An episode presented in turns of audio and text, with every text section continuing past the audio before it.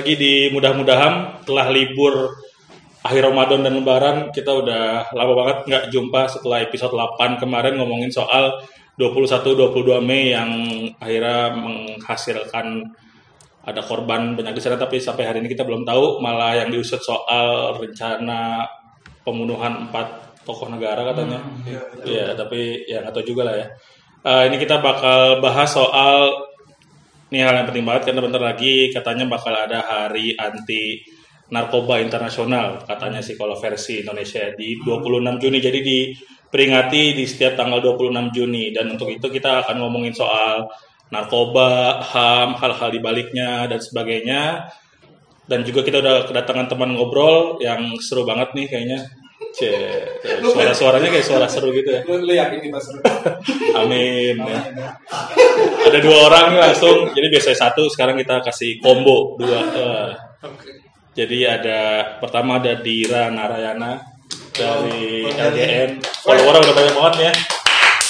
Oh iya, makasih ya. Iya, iya, follower udah 100 ribu. Udah bisa swipe up udah lewat lah ya. Dira, Dira sekarang menerima endorse teman-teman. Jadi, jadi buat bisa. agensi-agensi yang berminat, Sarung juga kayaknya nih sa- bisa. sarung juga di endorse. Gue pernah di endorse, lu gak bakal percaya perusahaan kondom. sempet jadi perdebatan karena kan mau nggak mau harus berbicara soal pasangan gua kan. Iya, iya, iya. sempet di tapi kan kita butuh uangnya tapi kan ini wah, gitu. akhirnya nggak jadi lah udah udah sampai situ aja. Tapi udah sempat dikontak. Udah. mantap. Oke, Dira nih masih aktif jadi ketua Lingkar Ganja Nusantara ya. Apa tuh Lingkar Ganja Nusantara? Mungkin bisa dijelasin dulu. Walaupun followernya juga udah banyak banget. gerakan Nah, kita gerakan gerakan untuk untuk apa ya sekarang sih arahnya jadinya untuk em, gimana caranya Indonesia bisa memanfaatkan ganja itulah gimana caranya kita nggak tahu nih kita perjuangkan pokoknya kita pengen bangsa kita manfaatin ganja manfaatin berarti legalisasi ya. lebih dari itu Oh, jadi iya. maksudku Legalisasi. Lebih dari itu, banyak lebih dari legal. jadi nggak apa yang nggak Eksploitasi sebesar-besaran. batas- nggak ada batasnya jadi imajinasi kita bisa buat apa aja Nah, eksploitasi ganja ya. Siap. Oke, tamu kedua atau teman ngobrol kedua udah ada Johan Misero dari LBH Masyarakat. Betul. Yo, iya. Ini karena salah satu isu yang dikerjain oleh teman-teman LBH Masyarakat adalah soal narkoba, selain juga soal anti hukuman mati dan sebagainya. Mungkin pertama-tama kita akan masuk dulu ke Johan kali ya soal soalnya jelas ini ada apa sih di tanggal 26 Juni? Kenapa internasional akhirnya peringatan hari ini sebagai hari anti narkoba atau hari anti penyalahgunaan narkoba, perdagangan gelap narkoba dan sebagainya gitu-gitu. Jadi eh, 26 Juni datangnya dari UN. Eh, tanggalnya kenapa saya sendiri juga kurang ingat kenapa 26 of June yang dipilih. Tapi eh, di Indonesia punya sebuah miskonsepsi yang saya pikir perlu diluruskan. Jadi di Indonesia 26 Juni itu selalu diperingati sebagai Hari Anti Narkotika atau Narkoba Internasional. Eh, yang mana menurut banyak orang sih ya. Dan bahkan ya kalaupun lu nggak percaya sekedar sekedar translasi aslinya aja sebenarnya 26 Juni itu bukan tentang hari anti narkotika tapi ada dua hal yang ditolak oleh 26 Juni. Ini oleh bahasa UN ya. Yang ditolak bahasa Inggrisnya itu International Day Against Drug Abuse and Illicit Trafficking. Jadi yang ditolak adalah penyalahgunaan narkotik penyalahgunaan dan peredaran gelap narkotika. Itu yang ditolak oleh 26 Juni. Nah, bahkan ka- sebenarnya kalau kita mau main translasi, drug yang ada di kata di drug abuse and drug trafficking itu kan nggak semata-mata tentang narkotika. Nggak semata-mata tentang itu. Drug bisa maknanya luas banget. Bisa kalau di Indonesia sebenarnya translasi yang paling tepat adalah nafza. Karena itu akan memasukkan narkotika, memasukkan psikotropika, dan memasukkan zat adiktif, zat adiktif lainnya.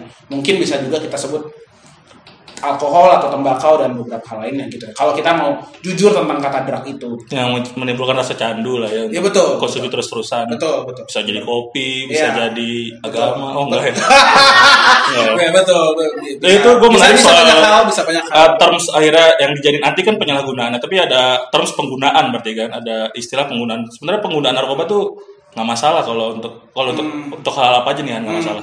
Eh, kalau di pandangan saya sih ya, eh, semua yang ada di muka bumi ini mestinya bisa dimanfaatkan sebaik-baiknya buat kebutuhan umat manusia, apa pun itu yang baik. Tapi yang baik pun tentu saja kan punya definisi macam-macam ya.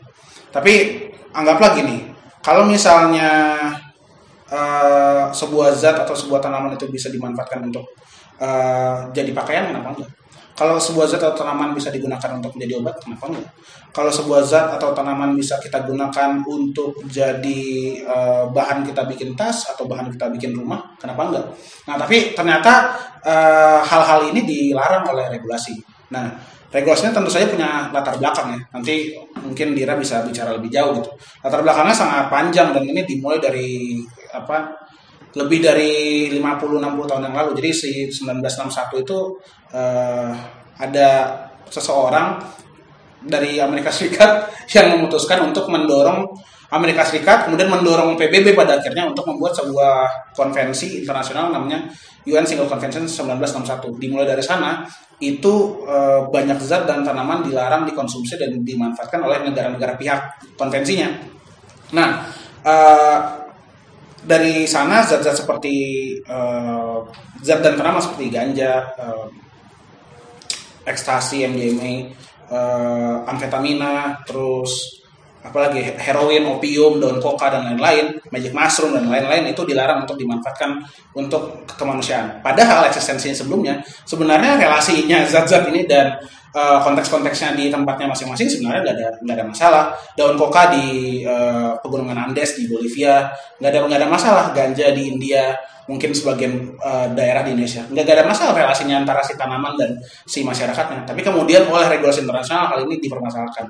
Nah eh, hal ini juga eh, se- udah di sebenarnya di dalam UN sendiri juga udah sempat dikritik juga. Eh, Manfred Nowak itu special reporter UN di bidang kesehatan itu bilang eh, ada kesenjangan nih antara International Drug Treaties atau Kovenan Internasional tentang narkotika dan Kovenan-Kovenan HAM. Kovenan HAM itu menjamin mendorong eh, ada ada jaminan kesehatan, ada jaminan ke, eh, riset, pen- eh, penelitian dan lain-lain. Sedangkan Kovenan Internasional tentang narkotika itu memberi jarak antara dua ini Membatasi ya. membatasi. Jadi eh, itu kemudian kira-kira dari situ mulai muncul masalah-masalah dan masalah-masalah itu akhirnya datang ke Indonesia dalam wujud regulasi-regulasi nasional. Yang yang sekarang regulasi nasional yang untuk narkotika secara spesifik itu dipayungi oleh Undang-Undang 35 2009 tentang narkotika, ada juga Undang-Undang psikotropika, ada kayaknya ada PP Pertembakawan, ada RUU alkohol dan segala macam. Tapi spesifik tentang narkotika, Undang-Undang 35 2009 ini sudah 10 tahun ada di uh, berlaku di Indonesia dan 10 tahun ini juga kita udah mendapatkan banyak problem dari undang-undang itu sih gitu. Iya, selain masuk eh, sebelum masuk ke problem dari undang-undang itu, gue pengen masuk soal logika soal pembatasan, Hmm. restriksi dan sebagainya soal eh, bagaimana manusia masyarakat menggunakan bahan-bahan dari di alam tadi yang di akhirnya dibatasi oleh si Ya, ya, ya. Covenant 61 itu kan di Ya, ya. PBB. Ya. Eh, pasti kan ada logika karena eh, penggunaannya atau penyalahgunaannya akhirnya menyebabkan eh, kemanusiaan berkurang karena ada bisa jadi eh, orang meninggal, Oke. kualitas hidup berkurang Ya, ya, ya. dan sebagainya gitu-gitu. Oke. Hal itu pasti Uh, jadi lo- logika dasar si pembuat Jadi saya ini semua kan ya. ada orang orang ini gue lupa namanya siapa. Eh, jadi orang ini dia hidup besar di Amerika Serikat. Dia punya problem masa kecil yang menakutkan tentang narkotika dan itu membuat logikanya itu beranggapan bahwa narkotika itu sangat buruk. Nah, eh, pada tahun-tahun itu juga di 1961 ke bawah orang ini tuh hidup bisa dibayangin nggak sih Amerika saat ini aja masih punya eh, kecurigaan-kecurigaan rasial yang sangat tinggi. Amerika Serikat hari ini bisa dibayangkan nggak Amerika Serikat pada saat itu. Nah makanya eh, ganja mungkin kita bisa menjelaskan nanti ganja itu dianggap dianggap pada saat itu ini eh, daun-daun eh, penyembah setan di, di- dikaitkan dengan musisi-musisi jazz yang berkulit hitam gitu dikaitkan dengan Imigran. imigran-imigran gelap dari Meksiko dan lain-lain kemudian kokain juga di- dikaitkan dengan eh, dengan orang-orang kulit hitam dan lain sebagainya jadi ada ada emosi yang menurut saya sih nggak nggak masuk akal gitu tapi di ma- di mata orang ini eh, kebenciannya atau atau pandangan rasialnya membenarkan apa yang dia pikirkan tentang itu dan itu dibawa kemudian ke legislasi nasional Amerika Serikat dibawa kemudian di legislasi internasional dalam konteks ko- ko- konvensi 1961 tadi gitu. Kan penggunaan yang akhirnya ya melewati batas kemampuan tubuh untuk area Iya iya iya. menjadi ya anfal dan iya sebagainya iya. gitu. Yang kita paham bahwa eh, zat apa pun atau tanaman apa pun da- bila dikonsumsi itu bisa saja menimbulkan efek buruk. Air aja bisa kok. Iya, gitu. iya. Air aja kalau ya. iya air aja. Kebanyakan air bisa bermasalah. Kebanyakan makan minyak bisa bermasalah, ya kan? Kebanyakan makan sayur bisa asam urat kalau lu udah punya asam urat sebelumnya. Jadi eh, apa pun bisa jadi masalah buat tubuh lu gitu. Yang yang yang mana eh, sebenarnya membuat logika pelarangan narkotika itu menurut gue sih nggak masuk akal gitu. Yang penting dikasih tahu, yang yang penting tuh bukan melarang ya, tapi dikasih tahu bagaimana eh, zat ini bisa membantu lu di satu konteks, tapi di konteks lain eh, bisa juga membuat hidup lu berantakan gitu Ada efek samping efek ada samping. ada ada efek yang gimana kalaupun lu mau pakai untuk senang-senang ini ada jalur atau cara yang tepat gitu misalnya itu yang gue pikir untuk konteks narkotika mestinya dikasih tahu ke orang-orang gitu sih Oke, terus kalau tadi akhirnya analisis soal undang-undang yang udah 10 tahun ini soal narkotika, eh, efek samping dari undang-undang itu yang Waduh. akhirnya ada kabarnya lapas ya, jadi penuh. Iya iya benar-benar. Eh, a- ada ada ada beberapa sih kalau dari konteks LBH masyarakat ya. Eh, paling kita saya bisa bilang tiga lah. Pertama ada overkriminalisasi di situs teman-teman Kemenkumham eh, data terakhir kayaknya masuk bulan April nih eh, itu yang mas yang ada di penjara itu 132 ribu orang ini datanya ya. ada Oh, terakhir 70 ribu orang. ini 132 ribu orang yang narkotika pengguna itu 45 ribu orang dari 132 30% lah ya. artinya 25 sampai Ya. sampai 30 persen nah yang NKB atau narkotika bandar itu 80 ribu oke perta- masalahnya adalah NKB atau narkotika bandar ini ini kan berdasarkan putusan ini kan kita pasti ingat ya ini situs Kemenkumham ya kan ini situs Kemenkumham. Situs Kemenkumham membandingkan NKB dan NKP, narkotika bandar atau nar- narkotika pengguna, itu hanya berdasarkan putusan, Putusan. hakim. Iya. Putusan hakim diawali dari dakwaan jaksa penuntut umum. Nah, jaksa penuntut umum kerap kali memberikan pasal non pengguna kepada pengguna narkotika, memberikan pasal bandar ke pengguna narkotika. Itulah eh, saya pikir kritik yang sangat besar terhadap regulasi narkotika hari ini. Padahal banyak yang penggunaan pribadi Betul. Pasal yang spesifik untuk pengguna narkotika hanyalah pasal 127 127 Undang-Undang Narkotika. Hanya itu. yang seharusnya nggak usah dipidana dan direhabilitasi. Enggak, pasal itu masih ada muatan pidananya. Oh, oke. Ma- Pasal itu punya muatan pidana. Kalau golongan 1 4 tahun, kalau golongan 2 2 tahun, kalau golongan 3 1 tahun. Tapi pasal sisanya yang pidana itu tentang bandar.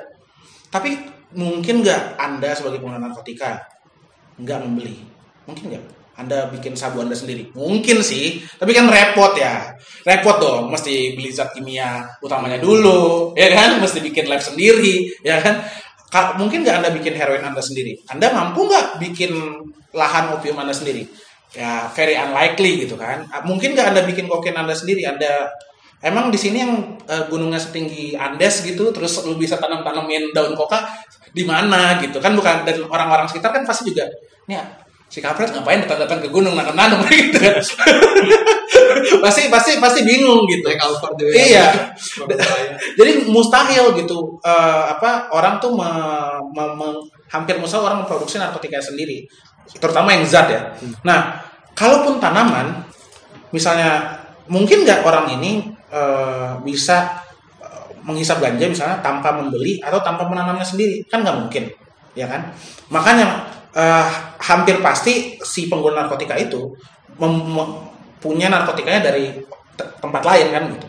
Nah, oleh karena itu wajar sekali dengan skema yang seperti ini banyak orang masuk penjara karena dikenakan pasal bandar tadi menguasai, membeli, menanam hal-hal yang wajar sekali sebenarnya dilakukan oleh seorang pemakai narkotika yang biasa-biasa saja. Dan akhirnya berimplikasi ke over kapasitas. Berimplikasi pada overkapasitas. Kalau Oh, misalnya dari data ini tadi itu kita bilang 25 sampai 30 persen, sebenarnya dari 80 ribu tadi itu sekian persennya saya yakin itu sebenarnya pemakai narkotika biasa.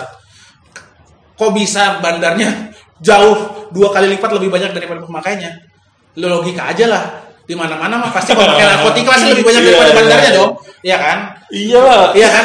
Data ini menunjukkan sebaliknya. Menurut saya ini jelas-jelas menunjukkan cacatnya regulasi terutama dalam soal pemidanaan gitu. Dan akhirnya setelah 80 ribuan orang bandar kena bandar dalam tanda kutip Iya, ya. Peredaran pun peredaran juga masih banyak juga. Exactly, exactly. Justru eh, kalau diperhatikan dari dan BNN selalu bangga sama itu. Maksudnya BNN selalu klaim dari tiap tahun bahwa mereka menyita lebih banyak narkotika, membakar lebih banyak ladang ganja, eh, menangkap lebih banyak bandar dengan sis- dengan situasi eh, pasal-pasal yang kayak gini. Eh, yang mana sebenarnya kan lucu ya. Ka- kok bandara lebih katanya bandara banyak ditangkap tapi peredaran naik terus gitu kan. Kalau misalnya angka angka angka narkotika naik terus itu kan artinya yang masuk ke Indonesia juga makin banyak gitu. Jadi sebenarnya agak aneh sih di situ. Tapi ya memang kita butuh kebijakan yang akuntabel juga sih. Tapi sekarang belum ada juga eh, organisasi yang secara spesifik mengontrol capaian BNN sebenarnya udah udah baik apa enggak sebenarnya. Dia lah teman baik dia. Oke, tadi eh, menarik sih soal bagaimana kita harusnya sebagai masyarakat, apalagi di level negara pemerintah menyikapi ini orang-orang yang akhirnya menggunakan narkoba untuk penggunaan pribadi ya. Iya, Itu kan juga akhirnya termasuk juga banyak akhirnya kalau kayaknya sih paling banyak kayaknya pengguna ganja atau gele gitu-gitu lah ya. Kayaknya paling banyak lah ya. Iyalah. Soalnya ganja diproduksi di Indonesia. Iya kan? betul, Paling Iya. paling ya, paling Bahannya di sini juga Iya, melimpah ya. Terus eh, sayang banget kan akhirnya karena emang baik itu untuk keperluan medis Iya, kayak iya, iya. Fidelis istri Iya, iya. dan beberapa kasus lain ataupun Iya, iya. untuk ya apa pun penggunaannya untuk rekreasi kah untuk bahan Iya, iya. masakan Iya, atau iya. apa Iya, gitu-gitu betul, betul. akhirnya dikriminalisasi dan dijadiin tahanan dan memenuhi Penjara. uh, lapas kita sehingga pelayanannya tidak manusiawi bahkan juga jadi hal yang sangat berpotensi korupsi Betul, ada betul, betul. suap di mana-mana dan Betul, sebagainya betul. gitu-gitu Betul, betul. di titik apa bangsa kita sekarang akhirnya melihat ganja nih dir Oh, masuk ke ganja nih. Uh, Iya, karena kan tadi kayaknya asumsinya dari si berapa tadi 30 ribuan ya Apa? Oh, Eh, 30 80 ribu tadi. atau 8 ah, 130 ribu Iya, orang 130 yang ribu orang. tangkap kasus narkoba tuh banyak juga yang akhirnya Hmm. uh, karena menggunakan ganja dan sebagainya gitu-gitu. Jadi ganja tuh menurutku menariknya gini. Kalau kalau kita lihat data kan kita lagi melakukan studi arsip, lagi riset kan eh, di di Jogja. Nah studi arsip itu menemukan hal yang menarik gini. Undang-undang narkotika di Indonesia tadi kan udah dibilang sama Bung Yohan tahun 61 dibuat PBB. Di Indonesia kan jadi undang-undang pertama tahun 76. Betul sebelum. Nah, kalau nggak salah bulannya bulan Juli Hmm. di Indonesia itu jadi undang-undang. Nah menariknya setelah kita telah di koran-koran kita di Perpusda di Jogja sama di Surabaya di Jawa Pos sama di Kedaulatan Rakyat itu kita menemukan ternyata pembahasan mengenai undang-undang narkotika itu baru dibahas bulan Juni Wah, kilat banget ya. Hmm. muncul di jadi kan kita ngecek kan dari awal kan dari awal kita cek itu nggak ada pembahasan itu tiba-tiba di bulan Juni dia muncul pembahasan bulan Juli disahkan Hmm. dan di bulan Juli begitu disahkan tuh ada pilot dari Belanda kalau nggak salah pertama kali itu di Indonesia yang ditangkap karena membawa ganja ke Bali lewat pesawat. Nah semenjak itu tuh pemberitaan rutin ganja ganja ganja ganja ganja. Artinya apa? Artinya sebelum tahun 1976 sebenarnya nggak pernah ada permasalahan ganja di Indonesia. Indonesia. Nggak ada nggak ada masalah. Nggak ada. Iya. Artinya nggak masuk media. Iya. Kalau nggak masuk media kan berarti nggak ada Biasa-biasa aja. Iya, nggak ada nggak nggak ada situasi yang membuat masyarakat jadi konflik Hmm. atau ada sesuatu yang wow gitu kan? Ini kayaknya waktu itu kan tren bohemian ya. Tipis-tipis datang ke bar. Jadi generasi kita cenderung ya rambutnya juga gondrong-gondrong, dibilang males-malesan. Dan sebagainya. kayaknya pemerintah nggak suka tuh. Lu ada razia rambut gondrong kan di, Iya, iya, di iya. era-era itu juga Iya, jadi iya, emang berlebihan kayaknya si pemerintah mau campur tangan urusan pribadi kita gitu ya. Itu udah Soeharto ya? Mas Sujarno udah Soeharto. Udah dong. udah orba itu orba. Udah, udah. Jadi jadi artinya gue ngeliat, nah kemudian se- semenjak itu yang terjadi ya itu benar kriminalisasi. Pada apa pun. Pada iya terutama terutama sama si sama si ganja yang kita yang terus kemudian kita bisa bayangkan kan situasinya jam waktu itu waktu kita telusuri ternyata di Aceh itu kan bagian dari bumbu masak. Hmm. Bahkan Gua beberapa- ke sana makan mie Aceh, enak Iya banget kan? racing, beberapa jumping ya. Beberapa orang tuh masih masih pakai buat pengobatan. Hmm. Iya kan? Diabetes. Diabetes dan lain-lain lah untuk pengobatan. Tapi tiba-tiba situasinya kayak gitu, masyarakat di sana kan bingung sebenarnya di Aceh itu. Ini gimana sih sebenarnya? Kita yang udah udah lama banget nenek moyang kita memanfaatkan ini tiba-tiba di cut makanya kemudian di Indonesia muncul program yang namanya program eradi- eradikasi apa Oh, GDAD itu ya. Apa namanya? Land Design Alternative Development. alternatif development. Ada ini istilah ini istilah populer banget kalau di dunia. Program di bawah eh, konvensi tunggal narkotika namanya alternatif development. Alternatif development tuh kira-kira logikanya gimana caranya produsen-produsen eh, Tanaman ilegal? tanaman ilegal itu dialihkan menjadi tanaman lain yang produktif. Contohnya di Aceh itu awalnya mau nilam. Tanaman nilam dijadiin minyak dijual tapi nggak jalan. Ternyata yang jalan sekarang adalah tanaman em, Kopi. serai wangi. Bukan.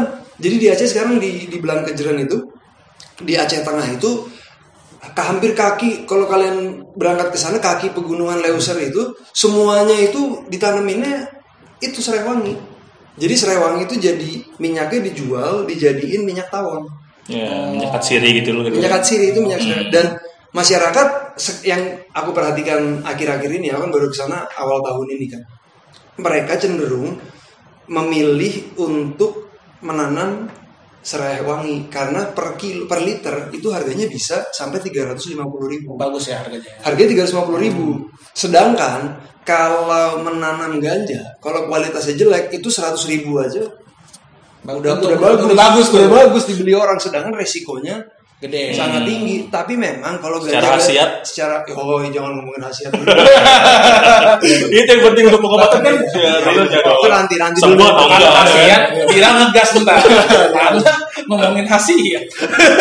Kalau tapi akhirnya menurutku di satu sisi program program apa alternatif Development. development, ini jadi aku malah melihat indikasinya tuh mirip sama bagaimana dulu padi-padi lokal yang ada di Indonesia itu bisa tergusur sama padi-padi asing atau jagung. Karena aku kan juga bergerak di isu pangan juga. kan. Aku melihat bagaimana di Indonesia ini jagung-jagung lokal tuh mati sama jagung-jagung dari luar negeri.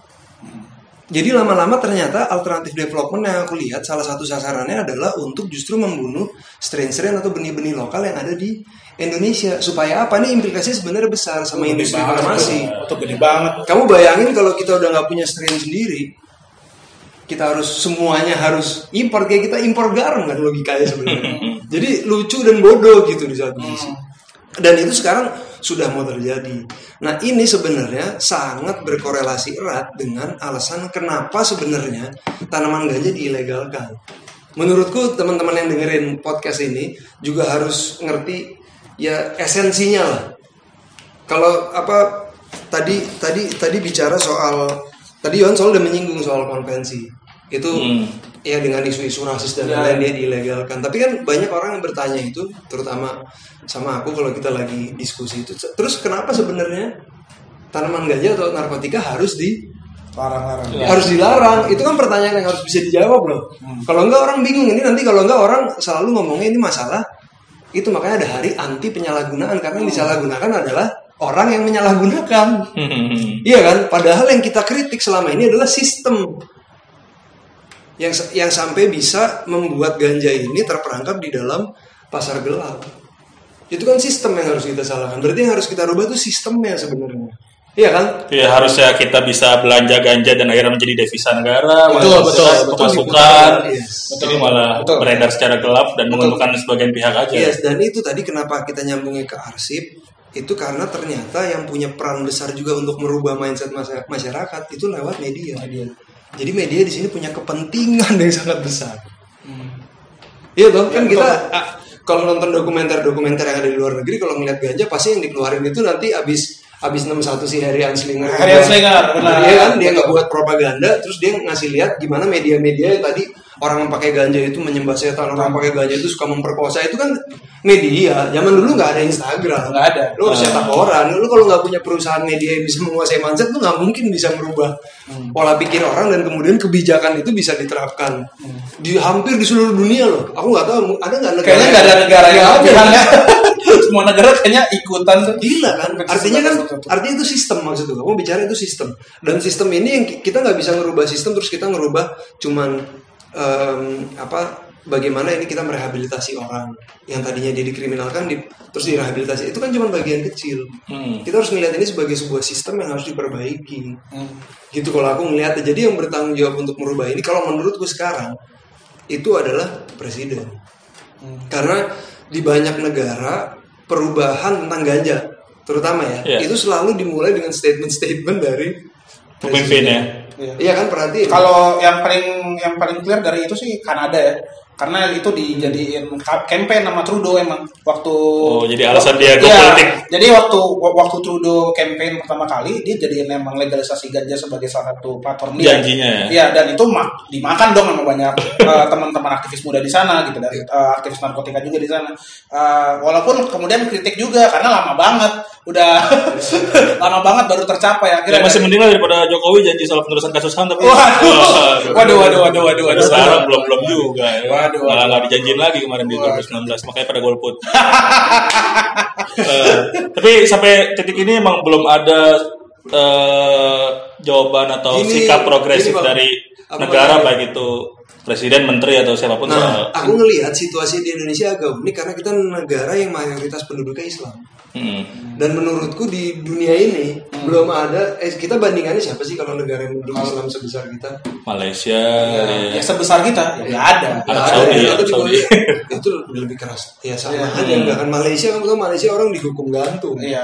Untuk masalah masalah belum ada belum ada ya kan negara yang negara Islam Dengan karakter yang mirip dengan kita, karakter ya. yang mirip kayak kita melakukan ini. Jadi ini benar-benar apa ya membutuhkan sebuah terobosan yang yang luar biasa, mungkin keajaiban malah. Hmm. Karena nggak mudah untuk seorang pemimpin negara, apalagi kita ngomongin Indonesia ya, negara Muslim kayak kita gini ya, negara yang mayoritas penduduknya Muslim itu mungkin halangannya udah bukan soal logika lagi, Hmm. tapi ini udah masalah yang menyangkut urusan-urusan iman, Keimanan. imanan, ya, tahu sendiri lah. Ya, ya. Tahu sendiri kan urusan kalau urusan itu kan umat selalu lebih cerdas dibanding Iya. Iya, iya, iya, iya, Iya iya, kan? Makanya suka dikritik beberapa mana aku lihat siapa di Twitter itu orang ada yang nulis soal banyak sekali sekarang orang-orang yang baru lulus pesantren atau apa itu mengkritik ulama-ulamanya coba.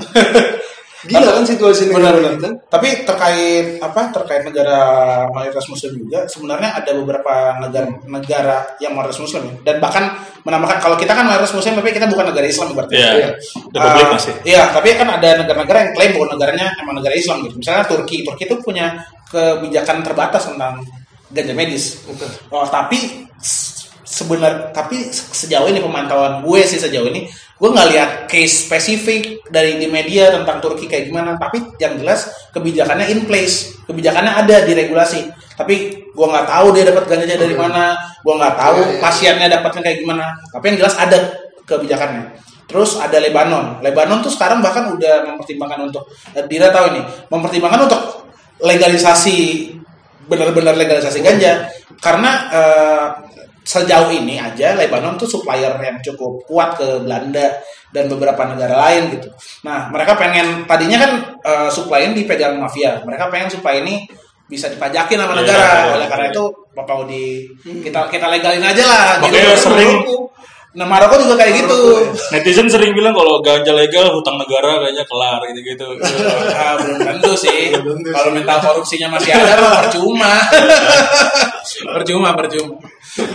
Percuma. Atau bahkan yang menurutku menarik Malaysia. Nah, Malaysia Kita nggak ngomongin besarnya ya, tapi kita ngomongin konteks secara budaya, secara eh, religi kita sangat sangat dekat, sangat mirip gitu loh. Dan Malaysia itu kemarin kan kita juga baru datang dari Malaysia kan untuk mendiskusikan masalah legalisasi ganja di Malaysia dan mereka bahkan sekarang sudah perdana menteri Malaysia Pak Mahathir. Nah, Hmm. Mahathir itu sudah mendukung supaya Malaysia segera memulai riset tentang ganja. Dan di Malaysia itu kalau ngomong Malaysia itu hukumnya bener hukum gantung deh. Ini bandar dalam kasus di sini. Wah. Di Malaysia itu hukum gantung loh keras. Tapi kok mereka tetap bisa memberi apa ya memberikan memberikan ruang untuk melakukan penelitian. Ini kan sesuatu yang perlu di- dilihat gitu loh bagaimana caranya mereka berdialektika dengan masyarakat ya dengan para pemimpin-pemimpin apa negaranya untuk memulai ini. Pasti di situ ada ke- ada sebuah kepentingan yang mendorong Malaysia untuk melakukan itu. Ya, terinspirasi oleh Thailand gitu ya. Ah, Tapi tapi Malah sampai menarik, ada fakultasnya kalau nggak salah ya. menarik soal Malaysia karena Malaysia itu awalnya di eh, keinginan untuk punya industri ganja medisnya sebenarnya diawali keinginan Malaysia untuk menghukum mati seseorang. Jadi ada Oh, iya. ya ada ada ada, ada sebuah kasus orang ini dia supplier ganja medis ke orang-orang. Jualan sih tapi harganya murah. Murah banget. Tapi ya karena emang dia peduli aja sama orang-orang ini. Ya gue udah kerjain nih ganja medisnya ya lu belilah walaupun murah. Tapi dijual-jualin gitu dibagi-bagi ke orang yang perlu ganja medis ya ketahuan ketangkap sama polisi diraja Malaysia ditangkap diproses hukum udah selesai mau dihukum mati. Lawyernya kampanye ini orang ini orang baik ini bukan ini orang nih bagi ganja untuk orang-orang sakit gitu.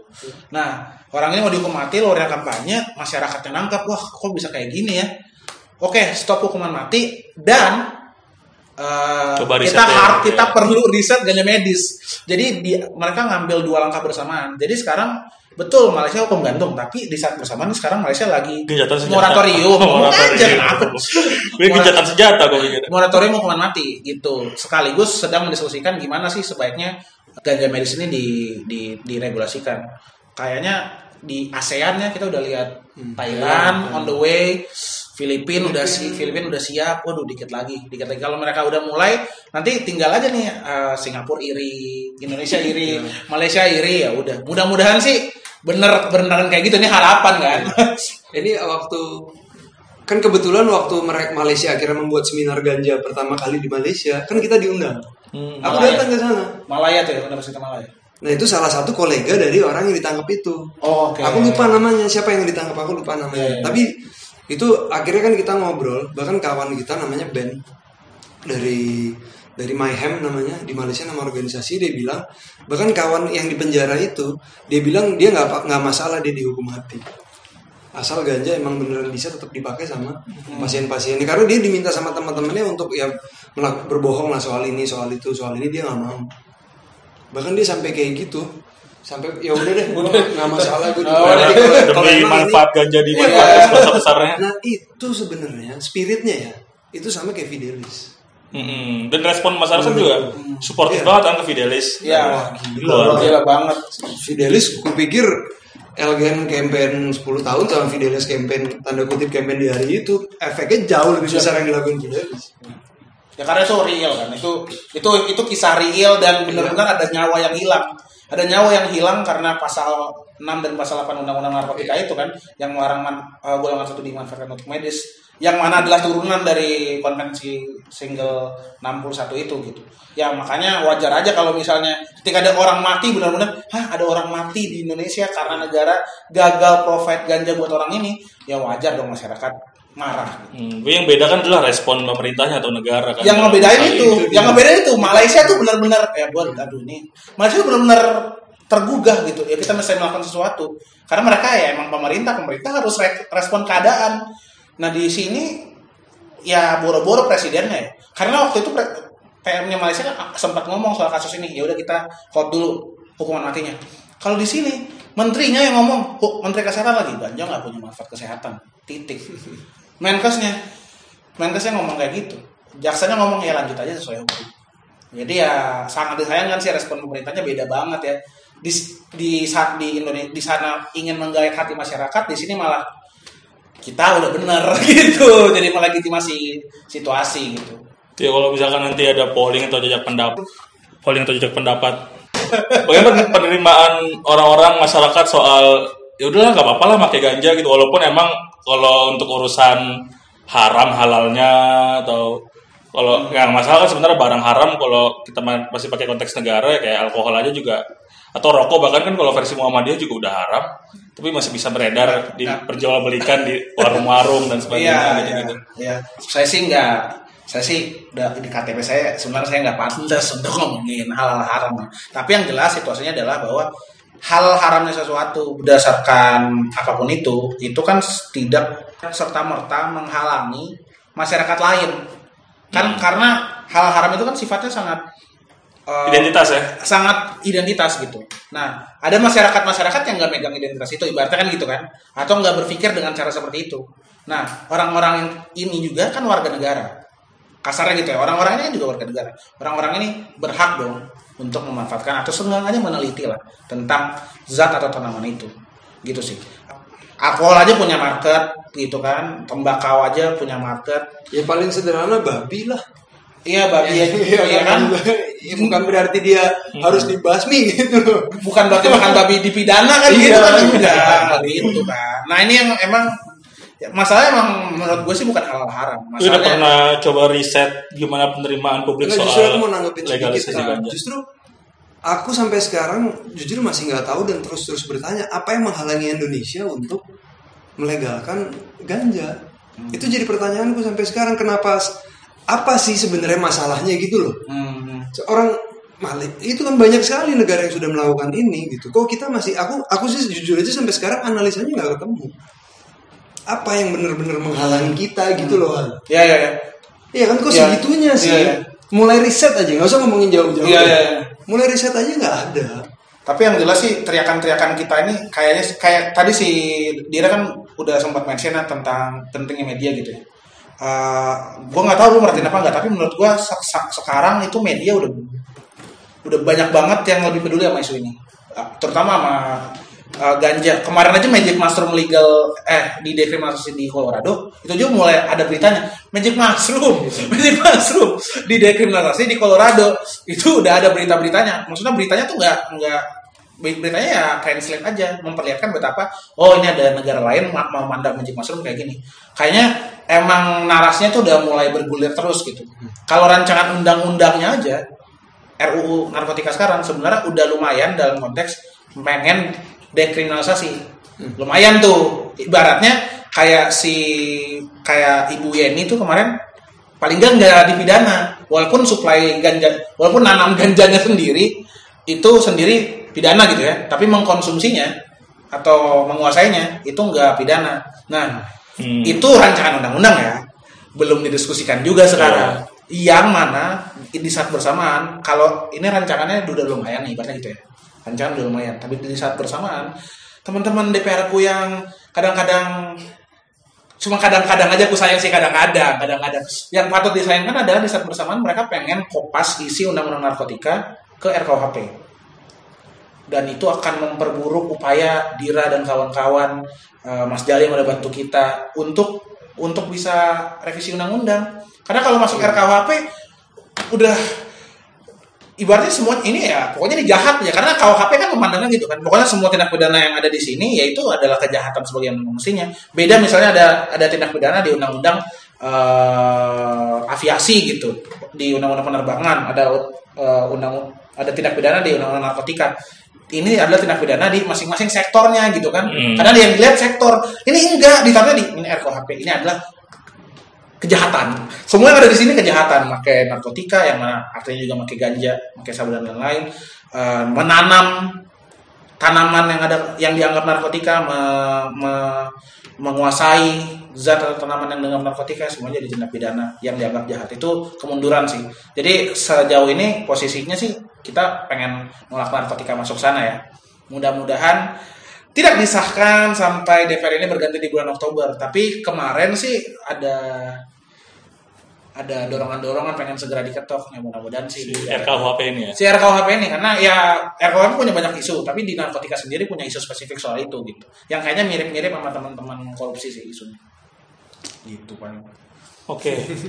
Pelik banget emang permasalahan Aduh. narkoba. Belum lagi kalau tadi Saya yakin teman-teman yang dengerin podcast ini kayak anjir banyak banget ya, gue pusing deh. Gua nanti sih bingung. kita bakal setelah podcast ini rilis kita bakal bikin obrolan offline-nya nanti di kios Ojo Kios hari Rabu tanggal 26 Juni. Iya. Kayaknya sih harusnya sih iya eh, nanti dibikin obrolan offline tatap tatap Jangan muka.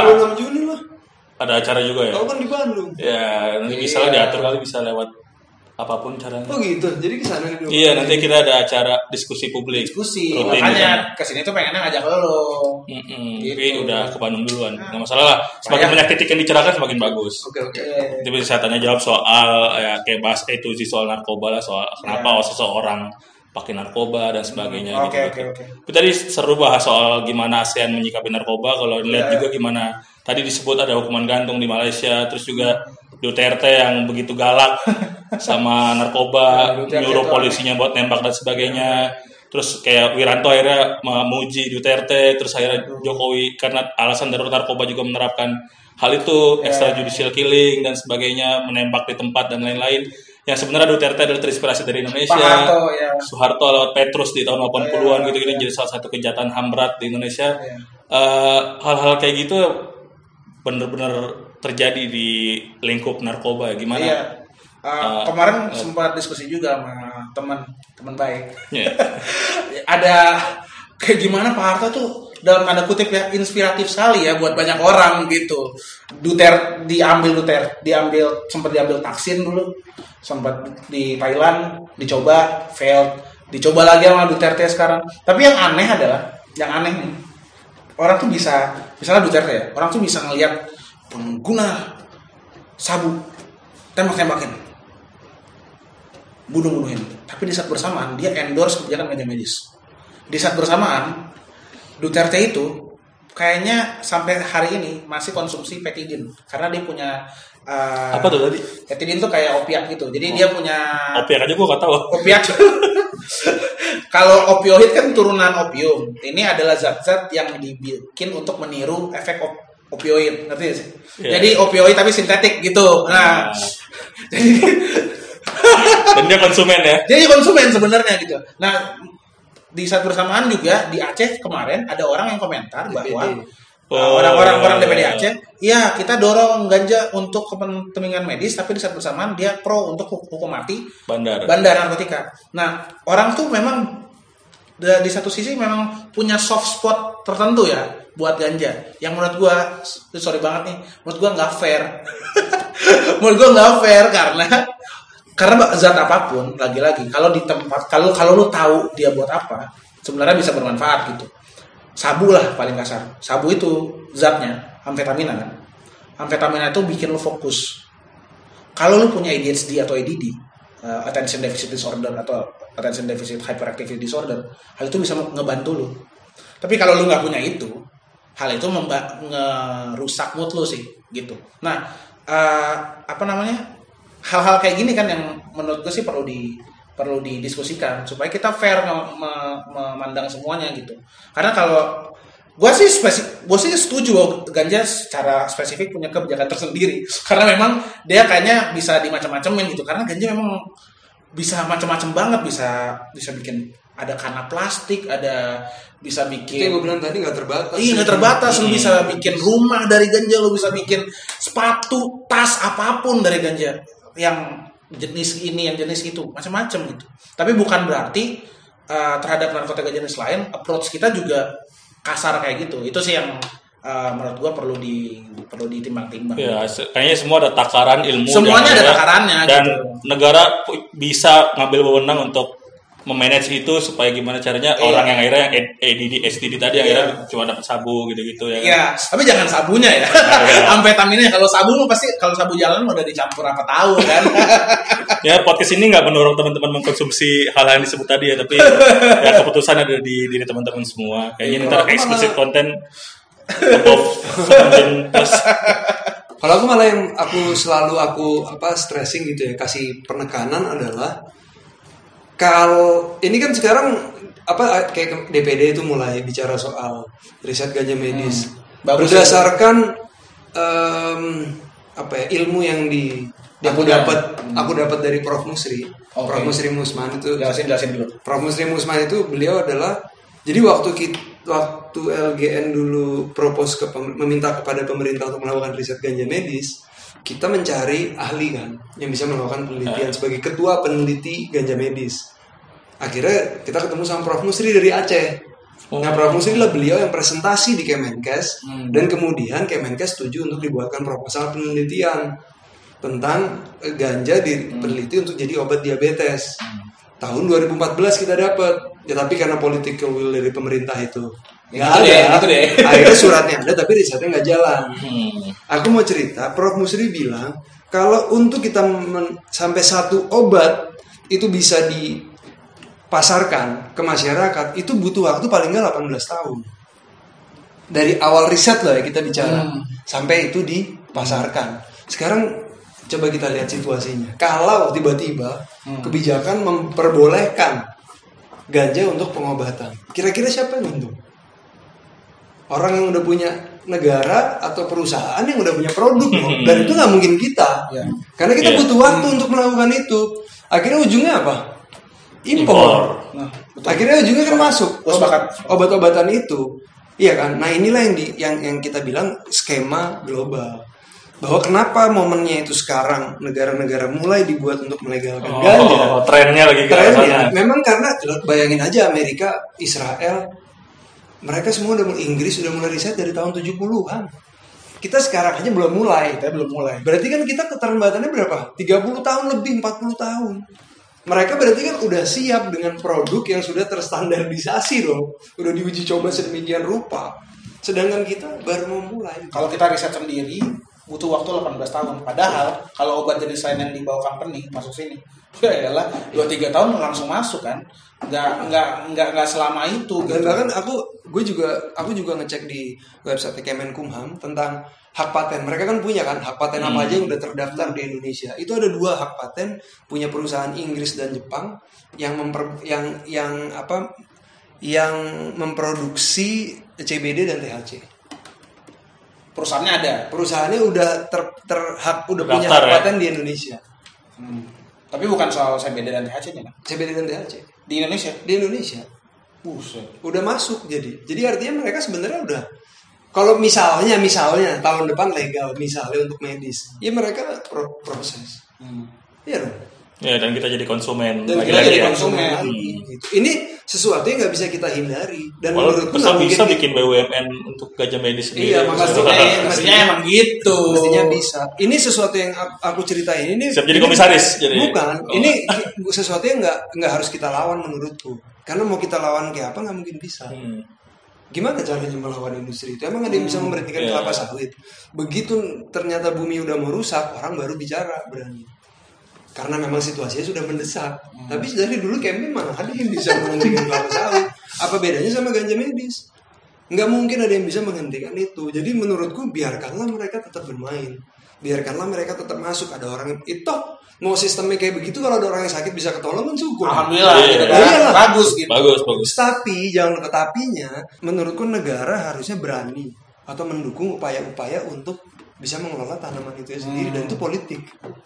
Ini kita udah ngomongin sains lagi, Ya. itu udah ngomongin politik. Hmm. Gimana negara berani mengelola sumber daya alam ya kan?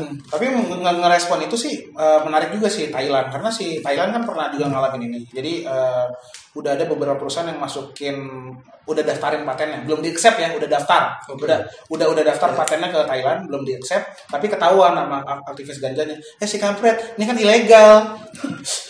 karena belum legal waktu itu. Ini kan Ah. masih masih masih ilegal nih, belum di ini. Kok lu udah masukin gitu? Cabut, revoke, revoke ininya, revoke eh, paten paten list lu, dicabut sih sama dia. Terus habis itu Thailand bikin regulasi tambahan. Regulasi tambahannya ialah kalau lu mau daftarin paten di sini, perusahaan lu yang di sini itu mesti share saham sama orang Thailand. Mesti share sama orang Thailand. Nah, mungkin nggak Indonesia seberani itu untuk konteks ganja atau untuk konteks obat apa pun lah gitu. Eh, Itu kita politik kan? karena politik, ini politik karena ya berani nggak badan pom kayak gitu atau enggak misalnya kita punya undang-undang spesifik ganja berani nggak undang-undangnya state itu bahwa perusahaan mana pun yang ingin berdagang ini di Indonesia nantinya itu punya eh, eh, pembagian kepemilikan yang eh, fair dengan orang lokal gitu misalnya. Jadi politik di politik politik ganjanya atau politik drugsnya sih udah udah sampai sana. Sayangnya ya di Thailand udah sampai sana. Thailand tuh udah ngebayangin mereka bakal ekspor ke Korea, mereka bakal ekspor ke Amerika Serikat, mereka bakal ekspor ke Kanada. Kita masih mau ngobrol lagi di kios ojo kios hari Rabu dapat ya kan gitu sayang banget saya sebenarnya sayang banget karena eh, tanamannya ada orang-orang yang concern ada orang-orang yang interest banyak banget orang-orang yang butuh banyak banget marketnya gede banget kemarin ada orang eh, Dira pasti lebih sering ngalamin ini ada orang eh, DM saya kayak bang kalau saya ke Thailand terus saya berobat di sana saya bisa dipidana nggak ya by teori berdasarkan teori ya bisa Bisa. berdasarkan teori bisa Kalau dia tes bisa. urin di sini. ya salah lu lu ngomong sama gua gitu jadi maksudnya dan saya yakin bukan bukan orang itu doang yang berpikiran seperti itu dong. Ada orang yang punya sakit, terus Iya. punya cukup duit untuk kayaknya gue bisa nih bolak-balik Thailand sebulan sekali gitu, atau bolak Thailand bolak-balik Bangkok seminggu sekali. Ada orang punya pikiran kayak gitu ya, di spend duitnya kayak gitu kan sayang banget. Orang-orang ini kan duitnya mestinya stay di dalam negeri gitu. Itu sih yang sayang banget sesungguhnya. Sering lah kalau kasus kayak gitu mas.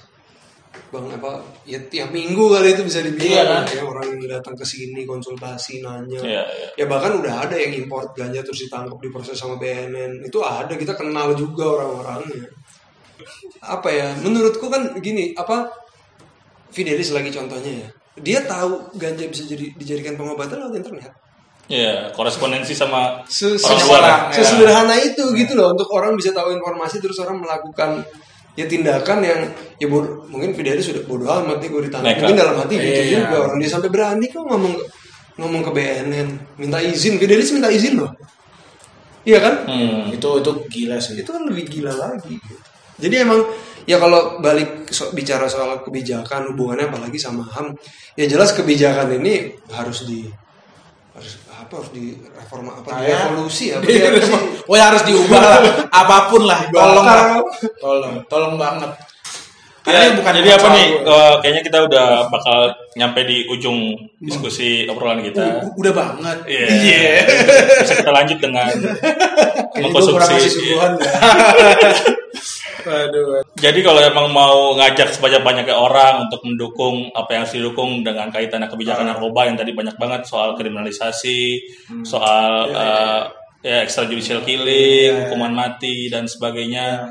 Ya. Eh, perubahan apa yang Johan pengen ajak teman-teman untuk ikutan Hmm. suarain ke pemerintah gitu? Kalau kalau gua sih kayak ini kan ke teman-teman atau ke pemerintah nih? Teman-teman dulu. Teman-teman dulu. Oke. Kalau ke teman-teman sih eh, kayak kan banyak ya teman-teman yang dulu tuh misalnya soal 65 pikirannya gimana. Terus akhirnya bah, banyak baca, banyak baca, banyak baca, terus akhirnya mulai ngerti konteks lain tentang 65. Nah, begitu juga tentang narkotika, begitu juga tentang psikotropika, begitu juga tentang zat adiktif lainnya, begitu juga tentang ganja secara spesifik misalnya. Eh, eh, literatur yang kita baca itu sering kali cuma dari eh, orang-orang BNN atau orang-orang polisi yang datang ke SMA lu waktu masih kecil dulu gitu. Iya, atau iya. orang-orang datang ke SMP lu dulu gitu. Orang-orang datang ke masjid lu atau gereja lu dulu gitu. Lebih buku Pejaskes tuh biasanya. Iya dan dan literatur itu eh, nggak nggak menceritakan kisah ini secara sepenuhnya. Banyak banget kisah lain tentang tentang drugs gitu. Eh, banyak banget hal-hal yang apa yang yang yang sangat penting tentang drugs karena pada akhirnya ini bukan tentang tentang orang mau bersenang-senang gitu. Pada akhirnya ini tentang bagaimana peradaban menyikapi relasinya tentang zat dengan tanaman ini gitu bisa aja Fidelis mungkin kelasannya jauh ya tapi bisa bisa nggak sih lu bayangin bahwa itu kakak lu itu adek lu itu orang tua lu itu partner lu Yang sebagai- mungkin juga sakit yang mungkin sama. juga at some point eh, mengalami hal yang sama gitu dan obatnya ada tapi dihalangin undang-undang gitu kan. Itu itu menurut gue sih sayang banget. Kok bisa sih? Obatnya ada. Bisa diproduksi sendiri. Dihalangin undang-undang. Itu membunuh secara nggak langsung kan sebenarnya. itu luar biasa anehnya gitu kan. Nah terus di sisi lain kalau dari LBHLM sendiri kita sebenarnya sangat ngedorong pemerintah atau negara melakukan dekriminalisasi jadi udahlah kalau orang itu menanam dalam jumlah sedikit orang itu menguasai dalam jumlah sedikit atau orang itu memakai narkotika ya sudahlah orang-orang itu bukan penjahat gitu. Jangan sampai nih ada anak 19 tahun atau 20 tahun gitu ya terus megang ga- megang ganja selinting karena dia cuma pengen rehat sedikit dari hidupnya gitu. Karena hidup hidup capek ya terus dia pengen ah nyimeng lah sebatang hari ini udah penat gua. Habis itu dia pengen tidur gitu doang gara-gara kayak gitu nih anak 19 tahun baru pulang kerja anak 20 tahun ini baru pulang kerja nyimeng gitu set set set masuk penjara dan penjara itu untung kalau dia kena 127 cuma 4 tahun kalau dia kenanya 111 bisa sampai 12 tahun loh. hidupnya hilang hilang Fuh. hanya karena dia megang satu linting janji. Itu sih. Karena kalau dari uh, kita di uh, EBHM kita nganggapnya untuk urusan penggunaan narkotika penjara jelas bukan solusi. Kembali ke Bung Dira. Bung Dira karena LGN kayaknya sih gua rasa jadi salah satu movement yang Oh, udah banyak parah. banget supporternya. Parah, parah, parah, parah, Ratusan parah, ribu follower dan sebagainya tersebar di Sabang sampai Merauke. di endorse pak di endorse gerakan di endorse ada gerakan di endorse pak Mantap, mantap. di endorse kondom tadi Sebuah prototipe kayaknya kehabisan perlu nih. Iya. Sedikit banyak lah. iya ya kamisan perlu niru ya dikit dikit Ya ini baru 21 kota, ini bentar lagi kayaknya harus sampai Sabang Merauke juga. Gimana meng- mengajak sebanyak-banyak orang itu ya udah banyak juga untuk era ya mewujudkan tujuannya yakni melegalisasi Menurutku- ganja dan memanfaatkan ganja sebesar-besarnya. apa ya? Itu mungkin itu kekuatan tanaman yang kita perlu sadari ya. Ternyata dia bisa menyatukan banyak orang. Kan kita emang dulu kita menyangka gerakan ganja ini dulu sih kalau kita diskusi kita yang memulai gerakan LGN itu lebih banyak yang ditangkap dibanding yang selamat. Aku salah satu yang beruntung. Kita harus bilang beruntung. tidak disentuh penjara. Tidak di penjara. Di LGN yang yang diriin LGN yang di penjara ada Cipta masih di penjara. Bang Nawi masih di penjara. Irfan masih di penjara. Mas Danto baru, Baru keluar, keluar. dari penjara. Orang Opa di penjara.